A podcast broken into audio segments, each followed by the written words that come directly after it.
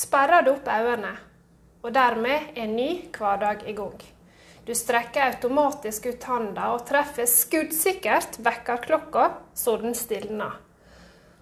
Åh, fred. Du ligger og kjenner litt etter om du er våken. Du strekker på kroppen på skrått og i lengda, og dyna får det til å tenke at hun er jammen god å ha rundt seg.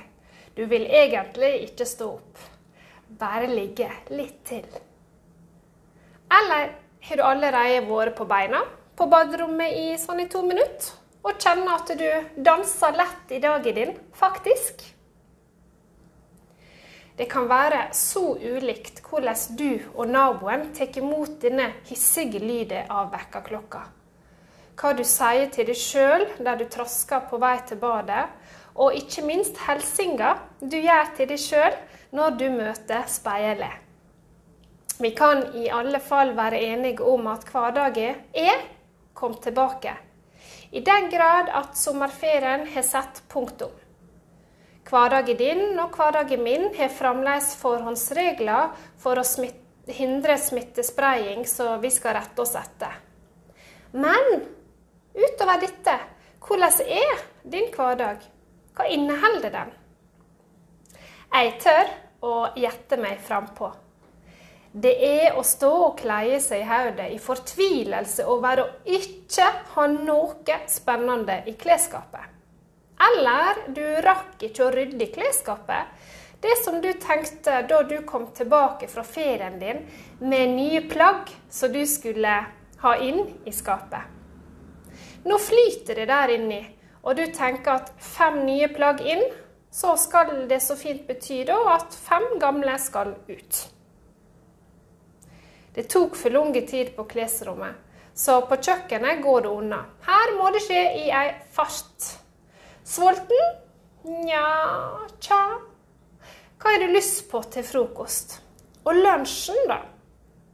Og så trenger barna hjelp til å komme seg opp for å ikke forsove seg. Og du springer mellom rommene medan du gaper høyt over ei brødskive med brunost og jordbærsylte. Det blir i disse rammene utover dagen, med noen redninger av kaffestopp i bilen på vei til jobb. En ti kaffe, som blir kanskje også en elleve kaffe, og det blir kaffe når du eter lunsj. Som visstnok ble temmelig lik frokosten din. Det skal være så effektivt i de mange yrkene og på de mange kontorene rundt omkring i disse dager. Sjefen din er redd for å miste arbeidskraft. Eller de som fremdeles er på arbeidsplasser etter lockdown. Ringvirkningene av dette kjenner du kanskje på. Og når det bobler lett eller mye i topplåket ditt, hva er det, det du prioriterer da? Hva gjør du? Hva skal du og eventuelt dine ha til middag i dag, forresten? Har du matvarene dine hjemme, sånn at du kan kjøre hjem og møte folket ditt med hvilepuls? Eller blir middagsvalgene dine oftest på impuls? Industrilaga mat fordi du kjenner deg sliten i ryggen, skrubbsvolte, trøtte, og har egentlig mest bare det største ønsket om å kunne få noe servert og tilbringe resten av kvelden i sofaen. Apropos kveld, hva styrer du med? Hva har du energi og ork til å gjøre på kvelden? Rømmer du fremdeles fra noe stress eller mas i livet og hverdagen din? Eller leter du det lett gå tre til fire timer etter middag uten noe søtt eller snacks tilført? Men du eter heller kveldsmat klokka 20-21? Du, min kjære lytter.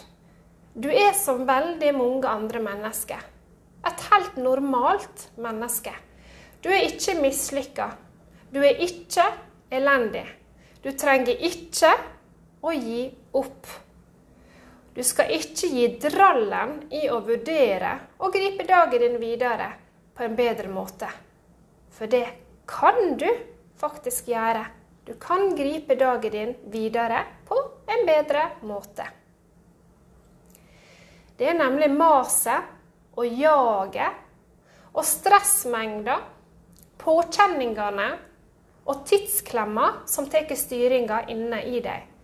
Dette kaoset av ubalanse innvendig og en viss, eller stor, mangel av kvalitet i din egen tid er det som mest sannsynlig får deg til å søke noen minutter av ro, fred og ikke minst kortvarig lykke i noe som smaker søtt.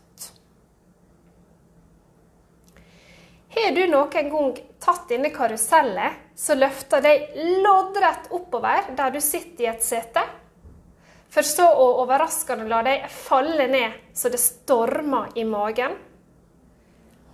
Dette froskehoppet er et godt bilde og en situasjon for det som oppstår inn i deg når du føler på dette kaoset og eter sukker, søtt og raffinert, som holder deg litt ovenpå, for så at du opplever blodsukkerfall.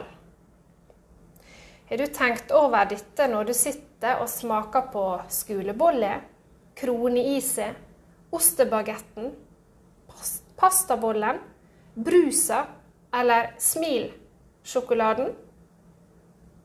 Hva er det du flykter litt vekk ifra, sånn bare for ei lita stund? Jeg vil gjerne gi deg tre tips for å bli litt sjeldnere grepen av sukkerkick i hverdagen. Nummer én planlegg den neste dagens måltid. Og da spesielt din frokost, lunsj og middag. Tips nummer to få nok søvn. Og nummer tre bli svett i 30 minutter hver dag. Fikk du nå en liten ekstra giv over deg til å gjøre noe med din egen hverdag? Du trenger ikke stå alene om dette.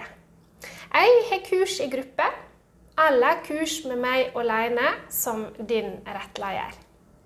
Du fortjener at maten din er smaksrike fargerike og holder deg godt ovenpå stabil gjennom dagen. Tusen takk for at du lytta til episode seks i Helsesnekk. Du er videre varmt velkommen til Nupen kost og helse sin nettside www.nupen-kostoghelse.com. Vi høyrest!